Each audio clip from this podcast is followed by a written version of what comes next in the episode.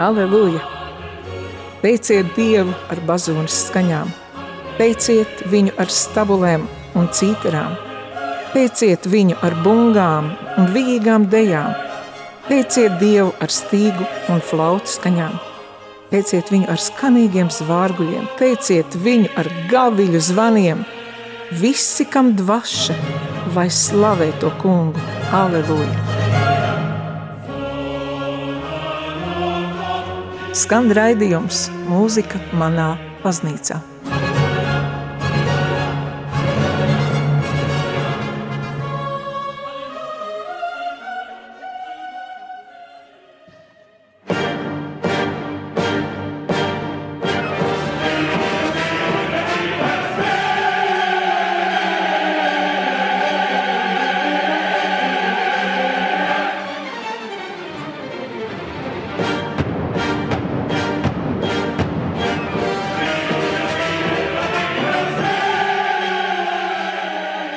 Labvakar, cienījamie rādījumi arī klausītāji. Raidījuma ieskaņā jūs dzirdat Giuseppes Verdī rekviema fragmentu Diesiere. Tādā veidā mēs atzīmējam komponista 210. dzimšanas dienu. Kā katru reizi arī šodien man viesos ir Jānis Karpovičs, pianists, ērģelnieks. Sveiks, Jāni! Sveiki, labvakar! Un kā īpašs viesis šoreiz ir pie mums atnācis ciemos mācītājs Jānis Kalniņš. Labvakar. Labvakar. Uzreiz gribu teikt, ka Jānis Kalniņš ir uh, patiesībā viens no lielākajiem ērģeļu speciālistiem Latvijā. Viņš ir uh, festivālu organizētājs, ērģeļu mūzikas festivāla organizētājs Kurzemē. Uh, Jānis Kalniņš ir uzņēmējs, viņš ražo ērģeles. Piedošana par tik tādu vārdu kā ražo, vai ne? Un, protams, ļoti liels darbs, ko Jānis Kalniņš dara Latvijā. Viņš restaurē ērģeles. Un jums ir kopējs, kopēji projekts šeit Latvijā abiem Jāņiem. Vēlreiz jums vakar jūs atnācāt un jā, tā tad. Jāni Kalniņu. Eh, pirms divām nedēļām es absolūti nejauši Facebook mudinātu aizbraucu uz Ugāli. Un, eh, jo tur bija rakstīts, ka ir ērģeļu mūzikas festivāla noslēguma koncerts, kurā es, protams, biju. Eh, klausījos, un es teikšu, godīgi, es esmu daudz dzirdējis ērģeles, bet es biju pārsteigta ar šī noslēguma koncertā eh, es dzirdēju ērģeles tādās skaņās, kuras es nekad dzīvē nebiju iepriekš dzirdējis. Tur bija putnu dārs ar īstajām skaņām, kā putnu balss. Un, eh, protams, eh, improvizācijas, un, katrā ziņā šis, šis noslēguma koncerts mani pārsteidza un fascinēja, un man tādēļ es biju pilnas pārliecības aicināt tevi šurp Eh, uz Radio Mariju, pastāstīt mūsu klausītājiem eh, par šo tevis organizēto festivālu, kur tas notiek, kad tas notiek, cik bieži tas notiek un kāda vispār. Kā tev tas ienāca prātā šādu festivālu organizēt? Jo man liekas, ir ļoti svarīgi, lai mūsu klausītāji visatālākajos dažādos Latvijas nostūros vispār uzzina, ka šādi festivāli ir un ka Latvijā ir izcilas eh, baznīcas ar izcilām ērģelēm un, un, un, un, un, un fantastiskiem cilvēkiem, kas dara vienkārši apbrīnojams lietas. Tā kā eh, lūdzu, es dodu tev vārdu pastāsti. Nu, redzi, kā festivāls faktiski viņš notiek divus gadus. Mēs esam vienkārši nonākuši līdz tam, ka jau drīkst tā saukt. Bet uh, koncertus baznīcās es jau esmu organizējis. Nu, tikko es pārcēlos, es uz Zugāli pārcēlos 1991. gadā. Tā kā lielāko daļu savu mūžu es jau tagad dzīvoju Ugālē, no nu, ar pilnām tiesībām to var teikt. Un, tā kā es nāku no muzeķa ģimenes, tēvs, vilnieks, māma, pianists un operas, es iepazinu orķestra bedres agrā bērnībā un kordiriģēšanas mākslas iepazinu, kad māma sēdēja pie imanta kokara stundās pavadīja, un tad es tur kaut kur tur klusiņām tur sēdēju. Lūk, un tādēļ bez muzikas man dzīve vienkārši nav iedomājama, un vēl jau svarīgākais ir tas, ka mūzika bija faktiski arī mans ceļš pie Dieva. Jo muzika tā ir valoda, tas ir izteiksmes veids, tas nav tikai tā. Un, uh, Priekš manis, Johans Sebastiāna Baha, mūzika tas ir mūzikas valodā iztulkots evaņģēlijs. Un, un tieši tādā kārtā arī lūgts ar šo mūziku, es nonācu pie Dieva. Un, un, un līdz ar to, protams, arī jau atnākot kalpošanā baznīcā, nu, tā, tā dzīve bez mūzikas nebija iedomājama vienkārši. Un man bija daudz draugu jau no, no jaunības dienām, jau muzeķi pazīstami. Un, nu, tā kaut kā sagadījās, ka tajās baznīcās, kurās es kalpoju, Ugālēs, Lēkās, Popē, nu, ir vienkārši izcili instrumenti, kuri bija jāceļ dienas gaismā. Tad es sāku aicināt vispirms Atistepiņu, jā, brīnišķīgi ērģelnieku, labi draugi, kurš spēlēja daudz koncertus, lēkās, Ugālē. Pēc tam daudz citu, ar Aivars Kalējs brauca ar Mārtiņu Dēringu, katru gadu mums ir bijuši brīnišķīgi koncerti visdažādākie. Un, protams, mm, sākās, sākās meklējumi, lai šie koncerti nevis vienkārši kāds atbrauc kaut ko nospēlē, bet lai atklāja caur šajos instrumentos apslēpto skaņu mūzikas skaistumu. Un tagad varētu lūgt muzikālo pauzi un paklausītos. Mēs varētu paklausīties kaut ko no koncerta, kas skanēja uh, pēdējā festivāla noslēguma dienā.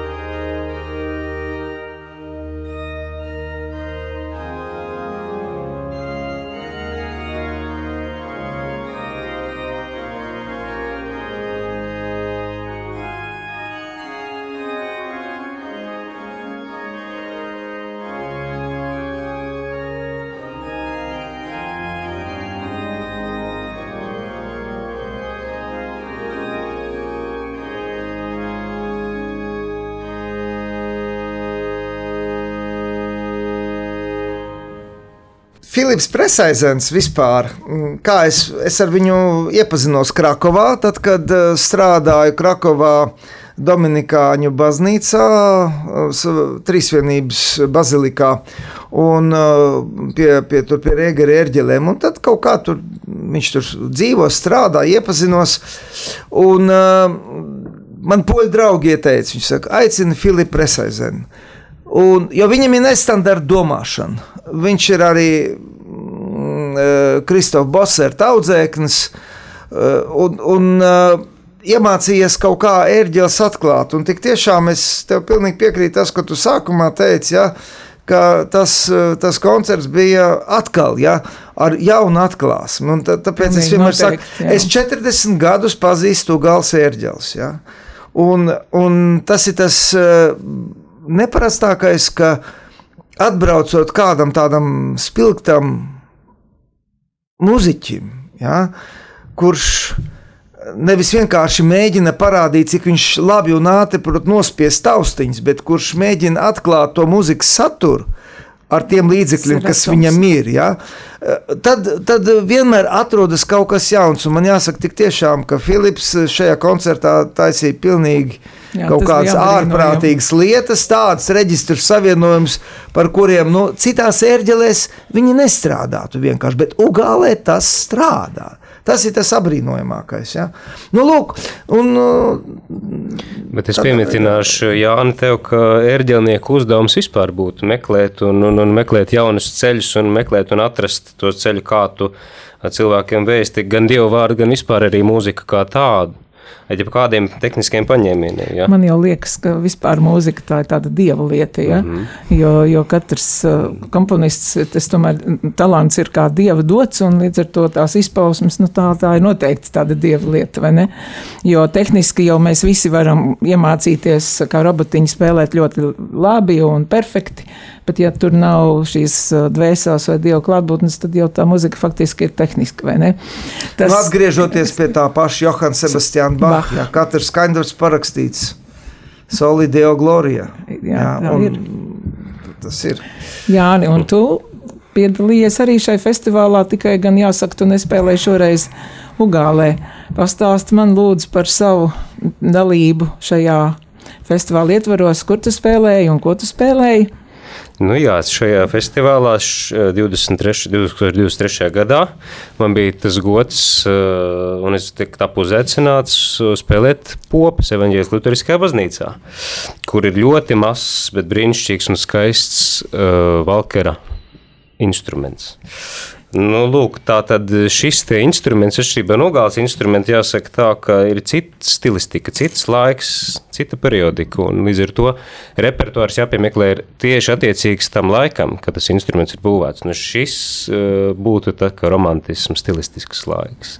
Tagad atkal mēs varētu ieiet muzikālajā pauzē un uh, noklausīties uh, skaņdarbu, ko Jānis atskaņoja uh, uz šīm ērģelēm.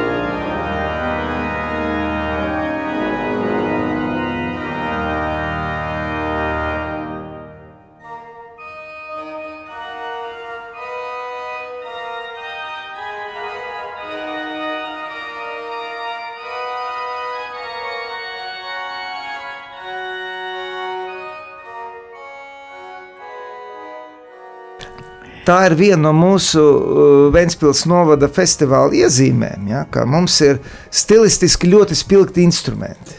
Ja, un, uh, tādēļ katrā vietā tiek spēlēta uh, sava laikmeta, sava stila mūzika. Ja. Es tieši tāpēc gribēju Jā. uzdot pirmkārt tādu jautājumu, pastāstiet mazliet par, par šīm atšķirībām, ja, par šīm atšķirībām starp katras baznīcas mazajām mērģelēm, jo uh, mēs esam arī braukuši pa visām Latvijas dažādiem novadiem un koncertējuši un prezentējuši kompaktdisku Laudāte Dominum, kuru es varētu lūgt, aicināt šobrīd noklausīties titu dziesmu.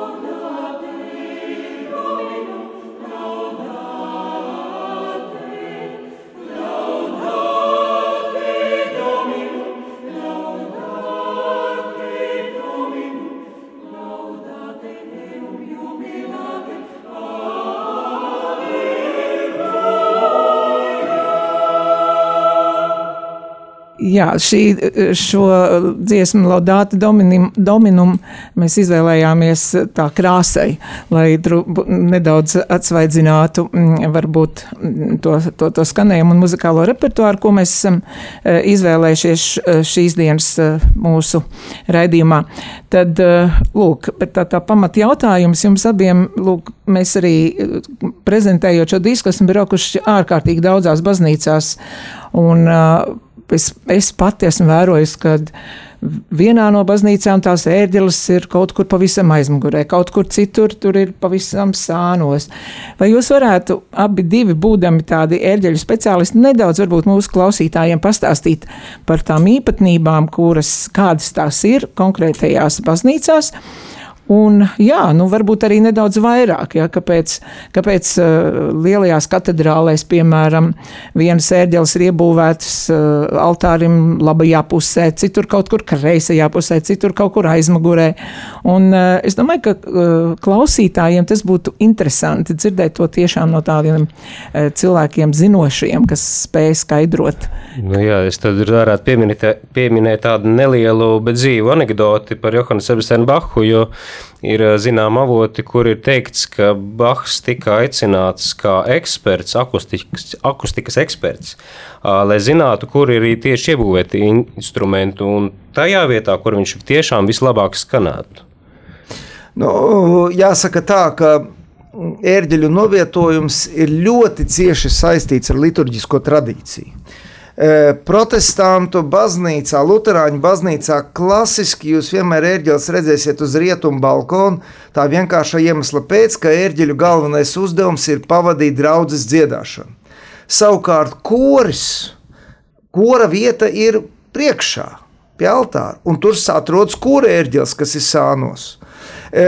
Ja mēs aizbraucam uz Angliju, tad lielākoties mēs redzēsim, ka ērģeles atrodas baznīcas priekšpusē, altārim vienā vai otrā pusē, kas ir saistīts tieši ar to, ka anglikāņu liturģijā koris ieņem vadošo vietu. Anglikāņu liturģija bez kora nav iedomājama. Jā, mēs tāpēc pārliecinājāmies kronēšanā, kad uh, karali uh, Kārli trešo kronēja, tad patiešām šī jaunrada, kas bija fantastisks kora dziedājumi un ērģeles, protams. Un arī, un arī, protams, uh, kad jūs paklausīsieties, kā spēlē anglikāņu ērģelnieks, tad tur ne tik vien tas, ka katrā pantā tiek mainīts reģistrācijas, bet vēl viena panta robežās viņš vēl pamanīsies mainīt, eh, mainīt reģistrācijas, ja, atkarībā no teksta un, un, un, un tādā veidā. Ja. Savukārt, ja jūs iesiet reformātu baznīcā, tad jūs ieraudzīsiet priekšā, jums ir augšā ērģeles, apakšā kancela.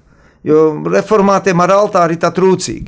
Jā, jā, tā uh, uh, viņiem, ir, viņiem ir galvenais kancele un ērģeles. Un Rīgā mums arī reformāta baznīcā, kur ērģeles gan vecākās Rīgas ērģeles, diemžēl, vēl pagaidām ir izjauktā stāvoklī.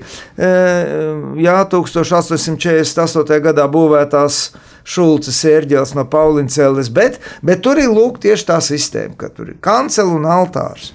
Tas viss ir vistiešākā veidā saistīts ar liturģisko tradīciju, un tā akustiskais novietojums nu, ir diezgan gluži automātiski. Ja, ja jūs novietosiet baznīcas eh, uz rietumu kora, ja pašā centrā, nu, tad viņas tur neizbēgami labi skanēs, ja, jo tā ir tā vieta. Jo nu, par akustiku runājot, es jau vienmēr tā raugoties uz baznīcām, tā, jo vienkāršāka telpas konstrukcija, jo vienkāršāk viss ir, jo labāk skan. Ja, jo proporcijas jau ir tas, kas nosaka. Un, un tas var būt tā, man problēma ir drusku ar modernām koncertu zālēm, kur akustika tiek veidota nevis dabīgi, bet mākslīgi. Tur liek visāds atstarotājs, visāds vēl nezinu, ko kaut kādā veidā, jo saprotams, jau modernā koncertu zālē ir vajadzīga milzīga mašinērija Tur nevar būt atļauties tā vienkārši skaisti taisna griezti. Tur aiz tā, ko mēs redzam, tur augšā vēl ir gaismas, tur ir ventilācijas, tur ir vēl nezinu kas. Ja? Bet um, nu, patiešām tāda laba akustika koncerta zālēs priekšērģelēm ir diezgan grūti atrodama. Mums tāda viena Latvijā tomēr ir koncerta zāle Latvijā. Jā, Jā, bet ne jau arī Jā. ne priekšērģelēm. Priekšērģelēm akustika ir tomēr tā. Bet priekš orķestriem, Bet, manuprāt, Hendels jau, Georgs Friedrichs Hendels ir vainīgs pie tā, ka koncertzālēs vispār ērģeles nonāca. Tā avotlēsta.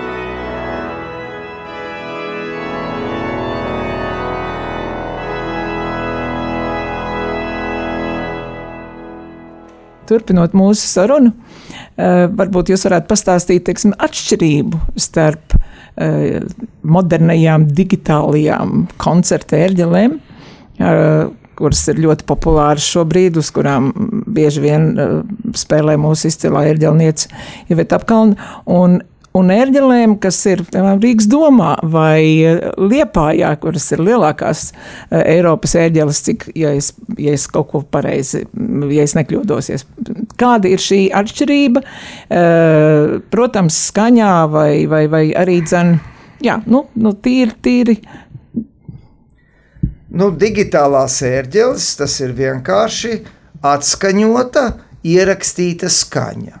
Ja kāds grib spēlēt koncertu uz digitālām mērķelēm, tad es vienmēr saku, daudz labāk, paņemam kompaktdisku, uzliekam un uz tādas pašas apatūras klausamies. Efekts būs ja ne tāds pats, pat labāks. Jā, ja? ir. Un pie tā vēl ir viena interesanta lieta, ja? ko varbūt nedaudz zina.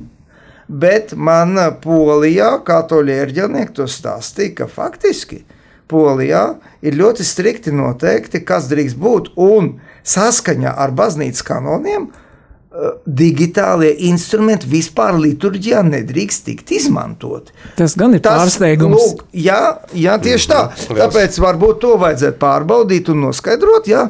Bet, eh, bet nu, jebkurā gadījumā. Nu, Tas ir atdarinājums, tas ir aizvietojums. Ja? Jā, kādreiz baznīca saka, mums, mums nav naudas, mums, mums kā vajag, nu, bet, bet harmoniju nolieciet. Pat tas skanēs labāk, jo tā ir īsta skaņa. Jo, kad skan īsta stabule, ja, tur ir pilnīgi savādāks skaņas veidošanas princips, ja, un kad skan skaļruns, tas ir atkal kaut kas pilnīgi cits. Tādēļ mm, es neesmu pret elektroniskiem mūzikas instrumentiem, ir burvīgi Hamonda ērģeles, ir analogie sintezatori, kuri sintezē, ar kuriem var taisīt visādas brīnumainas lietas. Ja. Bet digitālās ērģeles, digitālās klavieres, nu, tā ir pilnīgākā dekadence. Un, tāpēc, pieņemsim, man festivālā ir nu, viena no sarkanajām līnijām, ka uz tiem koncertiem, kurus es organizēju, es neaicinu ērģelniekus, kuri reklamē vai publiski sniedz koncertus uz, uz digitāliem instrumentiem. Ja, jo, mm, diem, diemžēl, diemžēl tas arī pašu mūziķi ļoti degradē. Jo, skaļi vārdi. Jo, jā, pilnīgi skaļi vārdi. Jā, es uzdrošinos to apgalvot, jo ērģelēm, kā jau dabīgam organismam, viņam ir tā katra stabula ieskanās savādāk. Viņai ir telpiskais izvietojums, ar ko ir jārēķinās. Ērģelniekam jārēķinās ar to stabulas ieskanēšanās tempu, ar mehānikas tempu. Ja? E, nevelti, kāpēc Makša Rēgera mūzika, e, daudz ērģelnieku tādi saka, ka vislabāk spēlēt uz pneimatikas. Tāpēc, ka viņš rakstīja tajā laikā, kad visi bija instrumenti bija pneimatiski, kuriem ir tā īpatnība, tā iekavēšanās, tā viss. Un tagad, kad šī mūzika tiek spēlēta uz moderna, elektriska vai nedod dievs uz digitālā instrumenta, ja nu tur nu, tās mūzikas pārvērš nekas nepaliek. Vai jūs varat mazliet vairāk paskaidrot, kas ir pneimatika? Jo es pieņemu, ka klausītājiem tas ir kaut kas tāds pavisam jauns, jo ne visi to zina. Jā, nu, tā tad jūs varat, ērģelēm visām ir stabulas. Jā.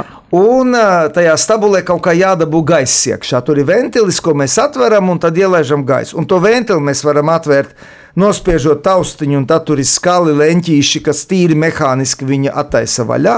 Mēs viņu varam atvērt pneimatiski, respektīvi atveram mazu ventilīti, svina caurumiņā, caurulītē ielaižam gaisu, un tad tur ir otrā galā plēšiņa vai membrāna, kur uzpušās un attaisa to ventili, ja? vai galu galā elektriski nospiežam, saslēdzam kontakts, pretējā galā, otrā galā mums ir elektromagnēts, kas attaisa to ventili. Ja? Jautājums par stabulēm, vai tām ir visas stabulas ir no viena metāla, vai, piemēram, flautas stabulē ir kaut kāds smalkāks, un, uh, tur, jā, un, un, un kādas tad viņas saucās, un kādi ir tie reģistri, vai jūs mazliet varat pastāstīt, jo man stāvot blakus ērģelēm un dziedot, es, protams, redzu lielās baltās pogas, kur ir rakstīts flötē, uh, trompetē un vēl kaut kas tam līdzīgs, uh, jā, uh, tad tas jā. ir, man liekas, uh, klausītājiem man šķiet, ka tam vajadzētu būt ļoti interesantam, jo viņi visi jau mēs esam lejā. Un mēs tikai dzirdam to skaņu, bet kas tur augšā notiek? Es ik pa brīdim dzirdu tādu blunkšu, blunkšu, tādas skaņas, nu tad pārslēdz acīm redzot reģistrus. Jā. Nu, protams, jā, nu, reģistru nosaukumu atspoguļo reģistru funkcionalitāti vai izcelsmi. Jā. Uh, mūzikas instruments atdarina. Lūk, jums tur ir flauts, trompets, kornets, klarnets, kas jums tik tur nav. Ja? Vai atkal uh, tie, kas atspoguļo funkcionalitāti. Ja? Sevišķi pītāļiem tas redzams ir principāle, oktāva, tad ir vigesima, nona, sedečima un viss pa intervālu apzīmējumiem. Ja? Jā. Un, un to tik itāļi zina, ja? kas zem kā slēpjas. Un nav ciparu apzīmējumi, protams, ja? tā kā mēs esam pieraduši un, un, un, un, un tādā veidā. Un ērģeļu stabuli. Ērģeļu stabulu var uztaisīt pilnīgi no jebkā, kas spēj saturēt gaisa stabu, un kuram jūs varat uh, uh, nodrošināt stabili gaisa plūsmu. Gan viņi taisīs stabili no kārkliem, kārklu mizam. Jā, atsit, izsit ārā koku, stabulu gatavu. Pat no burkānu var izgrebt stabulu. No burkānu. Jā, skan nu, jau viss. Jā, cik protams. ilgu laiku viņi skanēs? Svilpaunieks. Tā ir stabula, stabula. nekas cits jau tā nav. Kā stabula. Tā jau ir, jā. Un, um, jā, tad varbūt ir kaut kāda, jūs varētu pastāstīt mums arī, un klausītājiem būtu interesanti dzirdēt, nu, piemēram, cik stabulas ir Ugāles baznīcas ēģelēm, cik stabulas ir Doma baznīcas ēģelēm. Un, nu, jā, tas būtu interesanti. Un vēl būtu interesanti arī dzirdēt uh, nu, kaut kādu drusciņu vairāk informāciju par to, kurā valstī ir visvairāk ērģeles, tiek būvētas, vai tiešām tā ir Polija. Es esmu dzirdējis, ka tā ir Nīderlanda. Un, uh, un vispār, kad radās ērģeles? Kad, kad, kad tas laiks sākās, kad ērģeli pēkšņi visa baznīca saprata, ka mums ir vajadzīgs tāds, tāds instruments kā ērģeles? Nu, pirmā ērģeles ir vissenākais taustiņu mūzikas instruments, kas uzbūvēts jau senajā Grieķijā. Un nu, pieņemts datēt ar kaut kā 330. gadu pirms Kristus dzimšanas. Un baznīcā ērģeles esot nonākuši gluži nejaušības pēc, ka vienam no pēdējiem Romas imperatoriem nebija kur viņu slikt, un tad uh, ielika kristiešu bazilikā, ja, kaut kādā 6. vai 7. gadsimtā. Un, un arī tur baznīcās viņas lielākoties uh, kalpoja kā tāds izklaides uh, instruments, ko spēlēja starpspēlēs, jo liturģija jau viss dziedāja akapella. Jā, jā, vēlāk jau sāka parādījās, tas jau bija pēc viduslaikiem, faktiski vairāk kontrreformācijas laikos, ja, kad sāka arī katoļu baznīcā ērģeļu starpspēles mijās ar gregoriskajiem dziedājumiem. Un, šeit... Un tad, kad ērģelis organiski iekļāvās jau liturģijā, nevis tikai kā izklaidējot.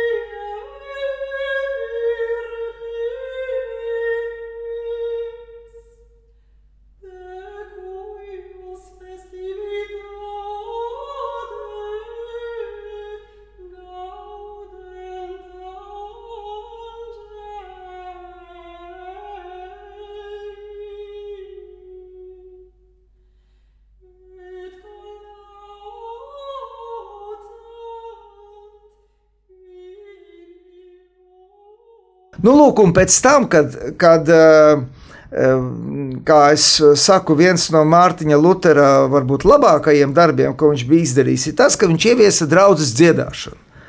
Viņš tautai teica, ja jūs varat dziedāt tirgus laukumos un krūgos, kāpēc jūs nevarat dziedāt baznīcā? Kāpēc, lai baznīcā dziedātu tikai augsti mācītie mūku kori?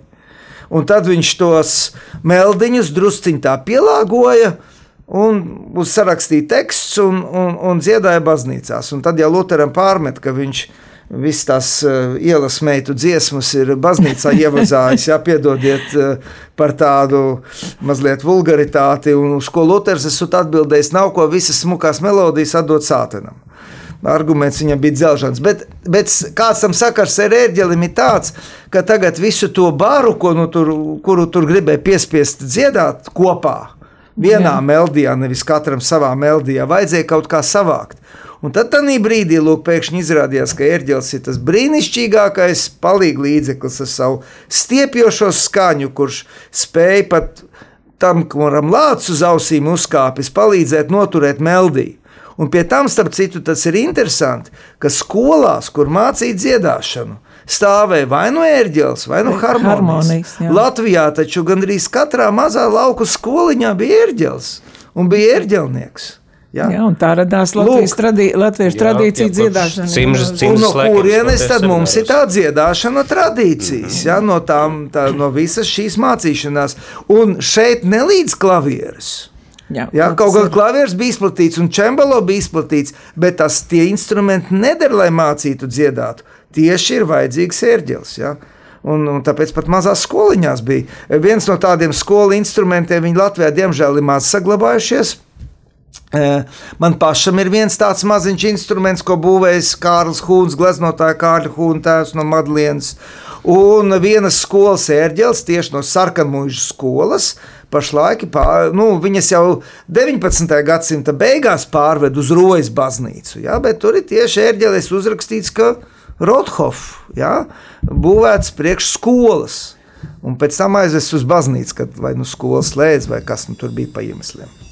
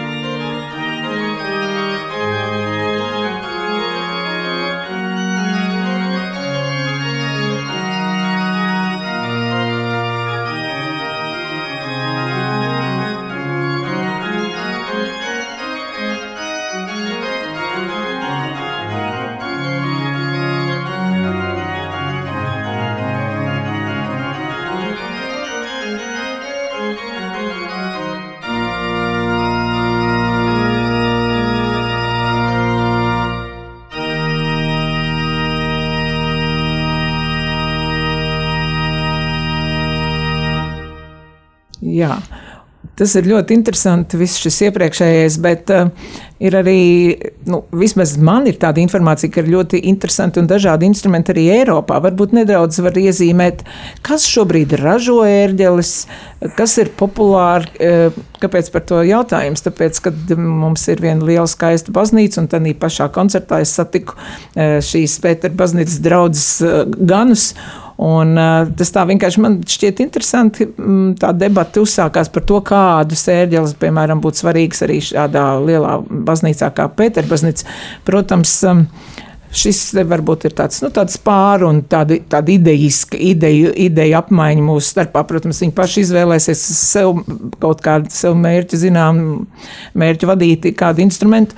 Jā, varbūt nedaudz, kas notiek Eiropā, kas ražo, jo tu pats jau, Jāni, arī ražo ērģeles, un tavas ērģeles uh, skan uh, oriģinālas, jaunas. Es esmu pat redzējis, kā tas to par visiem kokiem, izzāģētajiem un, un metāla plāksnēm. Uh, tas, protams, ir ļoti gari, un jautājums ir, jautājumi ir daudz, jā, sākot ar Jā. to, kas ražo Eiropā. Nu, es un... gribētu mazu korekciju ieviest, ka pirmkārt mēs sakam, ērģeles būvējam.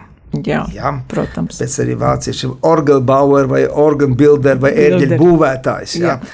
Uh, un, un, un franciski faktördorg izgatavotājs.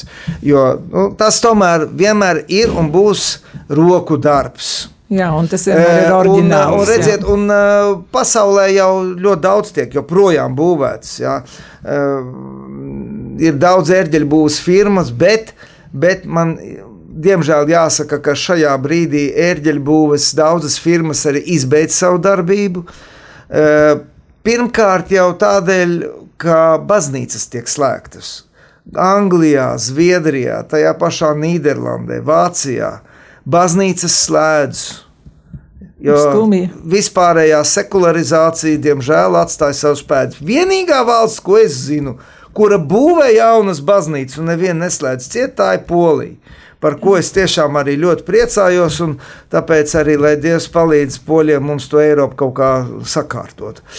Lūk, un, um, Un, un, un uh, paliek pāri ļoti daudz nevajadzīgu instrumentu, kuri tad nu, tiek atvesti pie mums. Mums arī Latvijā ir atvestas stipri daudz lietotas ērģeles. Nu, protams, ka tās, kas tiek atvestas, nu, nav ne tuvu tie labākie instrumenti. Ļoti reti, kad pie mums nonāk patiešām labi instrumenti, labus viņi patur paši kaut kā sev. Un uh, otra, otra lieta, kas ļoti bremzē, tā ir lūk, tieši šo digitālo ērģeļu attīstību. Ja? Un, un, un, un, un arguments jau ir dzelžains, saprotiet. Tās taču nav jāskaņo. Viņas aizņem jā, jā. daudz mazāk vietas, viņas ir daudz lētākas. Ja? Un tad es cilvēkiem parasti parādu telefonu un saku, nu, cik ilgi jūs lietojat šo telefonu? Nu, divi, trīs gadi, ja pieci, tad ir daudz. Es saku, nu, tajā instrumentā ir tieši tā pati tehnoloģija. Un pēc desmit gadiem, nedodies, ja jums baznīcā iespējas zibens. Un viena mikroshēma sadegs, tad jūs desmit gadu vecu mikroshēmu vairs neatradīsiet. Tas, instruments būs izmetams ārā. Bet stabuļi ērģeles gan vienmēr kalpos. Ja? Tā kā Ugālē kalpo jau 300 gadus, uh, vairāk nekā 300 gadus vēl domā, jau tūlītās būs ērģelēm kaut kāds 150 gadu turpat. Jā. 140, laikam. Nākošais gads vajadzētu būt 140 gadi, ne? 1884. Tiešām 140 gadi. Un Jā, tad, nu, un tad kur, kur ir uzstādītas tevis būvētās ērģeles? Vai, mē, mēs esam nu, patās uzbūvējuši savu opus 41. Tā tad diezgan varu jau palielīties, tomēr 41 instruments un jaunākās ērģeles skan Viļņā, jaunos Marijas debesbraukšanas baznīcā, Franciskāņu baznīcā. Bet mūsu ērģeles vēl ārpus Latvijas ir skan, visā Skandināvijā, Zviedrija, Somija, Norvēģija, Lietuva, Itālija, Francija. Tagad, jā, un tagad atkal muzikālā pauze.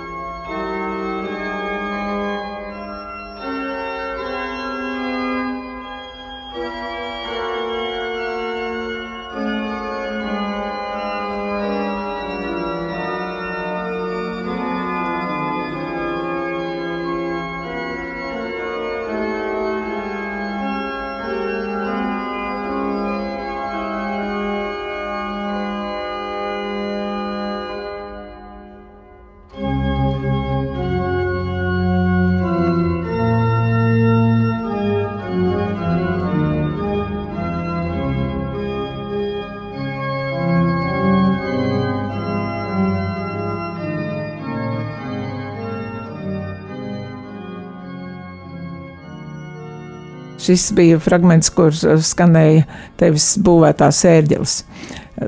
Tā kā mēs varam turpināt šo sarunu un uh, kā viens no būtiskām lietām, ko bez būvēšanas jūs, es varu tagad nu, jau teikt par jums abiem, jūs samērā aktīvi nodarbojaties ar ērģeļu restaurēšanu, un es noteikti zinu, ka šobrīd tiek restaurēts ērģelis Svētā Alberta baznīcā Rīgā, kur jūs abi divi tikko šodien bijāt un, un jūs parīgi strādājāt.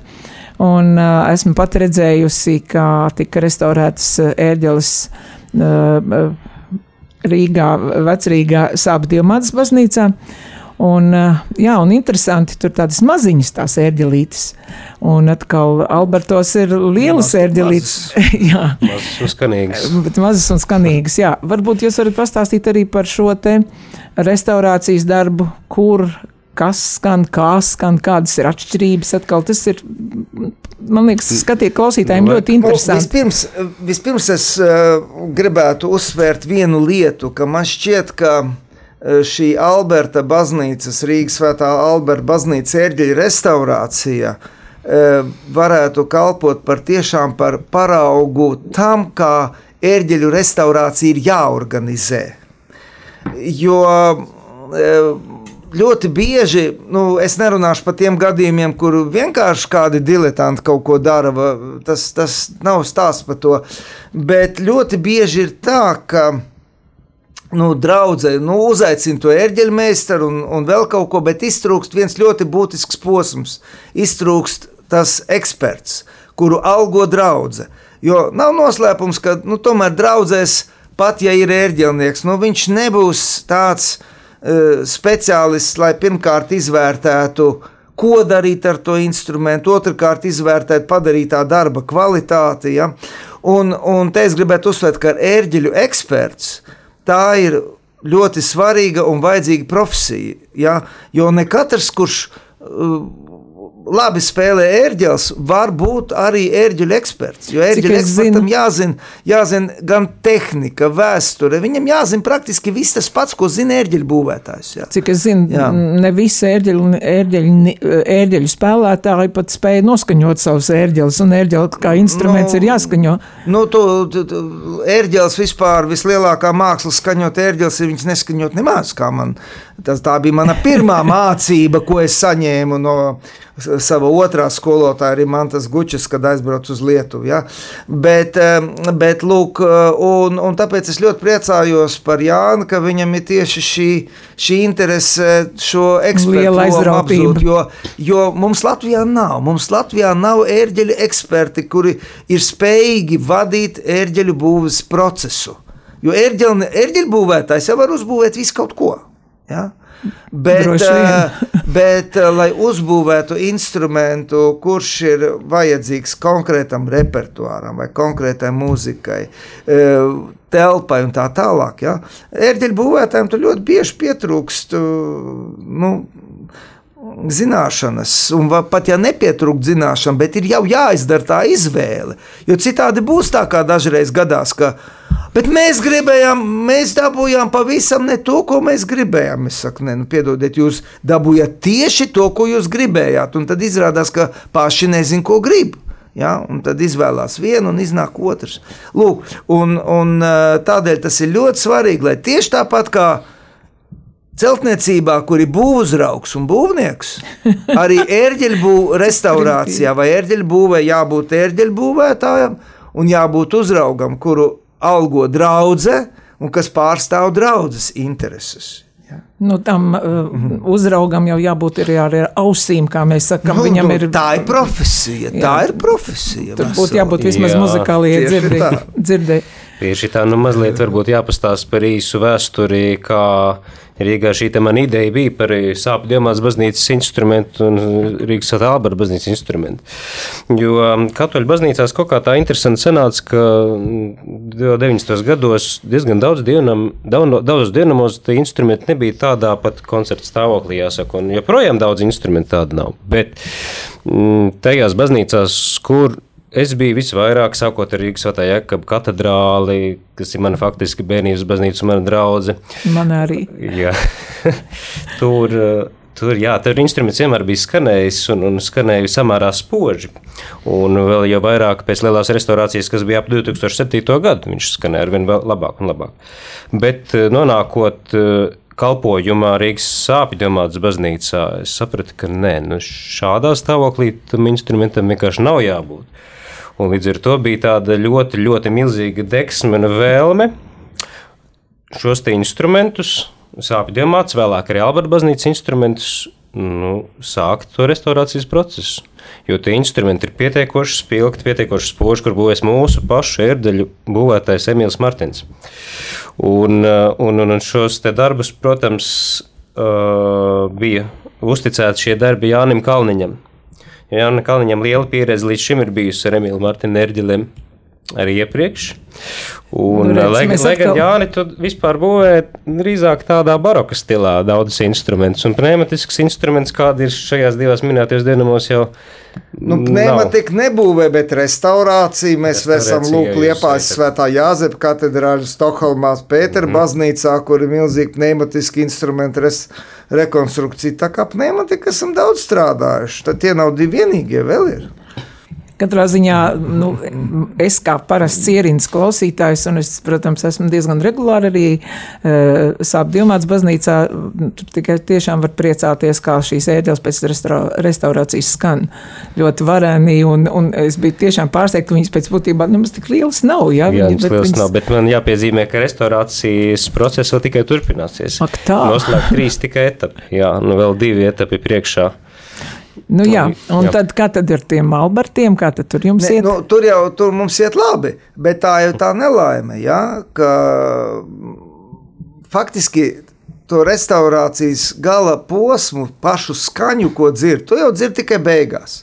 Jo, lai mēs tiktu pie skaņošanas, ja, piemēram, Albertos, mums ir vispirms mums ir jātiek galā ar ķirmiem. Mums ir jātiek galā ar gaisu plēšas, kurš jūka ārā, motors, kurš ir jāmaina. Mums ir galu galā viņas jāiztīra. Ja? Jo, Jā. nu, Erģeļmeistaram baznīcās viens no lielākajiem karošanas uh, iemesliem ir tas, kā lai iestāsta, ka nedrīkst skaņot ērģeles, kuras ir netīras, jo tā tiek bojātas stabuls. Viņas vajag vispirms iztīrīt. Nu, un tad cik tas maksā, un tad tādā brīdī arī mēs pie tā arī apstājamies. Ar putekļu sūcēju vai kā? Nu, vai slotiņām? Ar mazām, mazām pinzelītēm, mazām otiņām, katru mazo stabulīti. Tā liela stabuls ar putekļu, putekļu sūcēju. Jā, jā, putekļu sūcējs vispār ir labs draugs un palīgs ērģelim. Protams, protams. Jā, jā. Mhm. es esmu pat piedalīsies vienreiz, jā, un tev palīdzēja, kā tu skaņoji uh, Jākap katedrāls ērģeles. Tas ir interesanti. Tās skaņas bieži vien, sevišķi, ja cilvēkam ir absolūti dzirdi, tur, tur pilnīgi pilnīgi trusciņi var sajūt prātā no tā, nu, kā tas ar absolūto dzirdu pie ērģeliem nav ko darīt. Ļoti vienkārši iemesli pēc. Ērģelis ir aerofons instruments, kuram skaņojuma augstums ir atkarīgs no temperatūras. Mm. Un, ja pie plus 20 grādiem jums tās ērģeles būs 440, tad pie 0 grādiem ziemā viņš jau būs 420. 20. Turpat pustoni lejā, herci. Ja? Viņas uh, ziema, vasara caurmērā pustons uz, uz priekšu atpakaļ ērģeles staigā. Tā ir, to es esmu pamanījusi. Ir... Jā, nu, piemēram, e, Cēsu svētā Jāņa baznīcas ērģeles pavasarī nav lietojams. To ērģeles liela krastiņa ir apstiprinājusi. Un pēc māja jūnija jau var sākt atkal spēlēt nu, koncertus. Tik traki. Lieto visu laiku un lieldienās skan. Jā. Atgriežoties un varbūt tuvojoties raidījumu uh, izskaņai, mums ir palicis samērā maz laika. Varbūt mēs nedaudz varam parunāt arī par to, par ko mēs esam dažreiz uh, tiekoties ārpus rādījuma arī telpām, diskutē, diskutējuši par uh, ērģeļu lomu liturģijā, jā, un, protams, koru mūzikas nozīmi liturģijā. Jā, kāds būtu jūsu nu, tāds kā erģeļu speciālistu redzējums, jo mums bieži vien ienāk modernā pasaule arī klasiskajā liturģijā un mesās katoļu baznīcā, gan arī luterāņu baznīcā. Protams, mēs saprotam, ka ienāk un ļoti populāri kļūst tā saucamā slavēšana ar dažādiem instrumentiem tā tālāk. Bet tieši Uh, nu, šīs vēsturiskā nozīme uh, tādā nu, dievkalpojumam norisē un liturģiskajā norisē. Varbūt mēs varam nedaudz par to parunāt. Vai tas ir svarīgi un ko tas dod? Vai tas vispār cilvēkam ir svarīgi. Piemēram, es varu pateikt, nu, tā cilvēks no nu, tautas, eh, eh, tad, kad es mācījos padomu laikā skolā, tad man bija stipri liels pārsteigums pēc tam uzzināt, ka eh, Johans Sebastianam Baham ir visas pasīs, kuras mēs zinām, un, un tad, kad tu sāc viņas klausīties, tu vienkārši saproti, ka tā patiešām ir dieva mūzika, ja? un man šķiet, ka mēs ļoti maz Eh, klausamies tādu, tādu, tādu nu, nu, ir, ir pasaulē bezgalīgi daudz uh, kompozīcijas, uh, kas ir tieši garīga muzika, ja mises, uh, tie paši reci, rekviemi. Jā, Izterpināšu arī par Bahu, no visas pasīs, kas, ko Bahs sarakstījis, tas ir domāts konkrēti liturģijai un konkrēti lielai piekdienai, un tās tika atskaņotas tajā laikā ar Bahu laikam pēc. Es šeit vienkārši gribu atgādināt 150. psalmu. Viss, kam ir dvaša, lai slavētu to kungu, teiciet viņu ar cītarām, ar stabulēm, ar kokliem, ar bungām, ar vīgām, dejām, ar dziesmām, ar, ar, ar, ar visu. Ja? Tā tad liturģijas, liturģijas būtība, ja? tā, tad, tā ir izteikt dieva godu, dieva godību. Un to izsaka Nu, kā nu katrs piedzīvojis un pārdzīvojis. Man, man nav nekāda iebilduma arī pret slavēšanas dziesmām, ja tas ir patiešām tas pārdzīvojums, un ja tas ir ja, ja, nu, tādā veidā to, to dara, tas ir ļoti patiesi un labi. Varbūt ne. Nu, savā vietā. Ja? Ja, ja tas ir pašmērķis, vienkārši tāpēc mums tagad vajag ģitāras un bungas baznīcā, lai jaunieši nāk baznīcā, ja? lai viņi neklausās to diskotēku tur ķīpselā, bet lai nāk diskotēku klausīties baznīcā, nu, nu, tas, tā, tas, ir, tas ir, es teikšu, nožēlojami. Ja? Nu, Atsevišķos gadījumos var būt, jā, bet... Nu, kaut kā, jā, bet, bet skaidrs, ka uh, mūzika dievkalpojumā, jā, es saku, es, savam ērģelniekam es saku tā. Paklau, tu dari 50% darbu no dievkalpojuma, es daru 50%. Ja?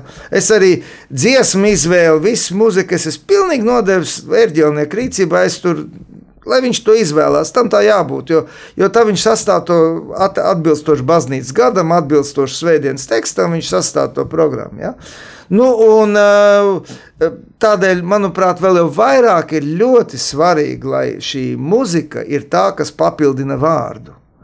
Jo dažkārt ir tā, nu, varbūt mācītājs nav izgulējis, un tas sprediķis tur viņam tur kaut kāds tāds. Nu, tad tam mērķelniekam to vajag visu izkompensēt, lai tas cilvēks tomēr aiziet ar piepildītu dvēseli un lai aiziet ar paēdinātu garu.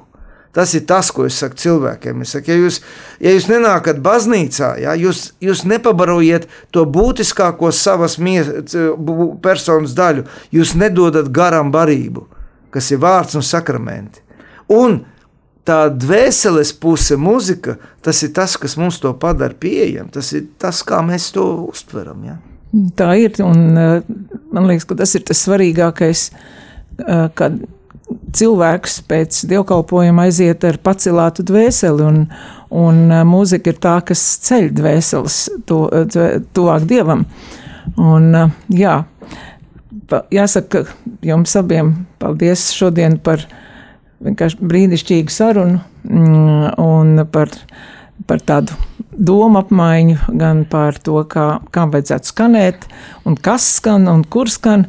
Lielas paldies, Jāni, ka tu pirms sava tālā ceļa atradi laiku atbraukt uz Radio Mariju un pastāstīt mums tik ļoti interesantas lietas par ērģelēm. Paldies, Jāni, ka tu esi atkal ar mani blakus un mēs varam parunāt par mūziku baznīcā. Un eh, noslēgumā eh, es aicināšu eh, noklausīties mūsu klausītājiem, dot iespēju noklausīties mm, tādu Eh, skaņdarbu, kas, ko ir komponējis latviešu komponists Romalds Jērmaks, un tā ir Ava Marija, kura skanēs tūlīt eh, sieviešu kora dzinters izpildījumā. Eh, pie ērģelēm ir Vita Kaunciem, kas ir to profesori, un, un diriģēs šo skaņdarbu Aira Birziņa. Vēlreiz jums abiem liels paldies! Un paldies, cienījamie radio Marija klausītāji, par jūsu uzmanību. Es ļoti ceru, ka šis redzējums jums bija interesants. Un es, protams, gribu pateikt lielu paldies par visiem tiem labajiem vārdiem, izziņām, personīgajiem ziņām un, un, un pateicības vārdiem par iepriekšējo raidījumu kas skanēja pirms mēneša. Paldies, ka jūs klausījāties. Aicinat uh, klausīties savus uh, draugus atkal, būsim pēc mēneša. Un uh, rakstiet mums, dodiet, uzdodiet savus jautājumus un izsakiet savas idejas, ko jūs gribētu, kādu mūziku jūs gribat šeit klausīties, ko jūs gribat dzirdēt, ar kādiem cilvēkiem tikties. Un vēlreiz paldies jums par uzmanību un lai mums visiem ir svētīgs šis vakars. Un vēlreiz jums paldies!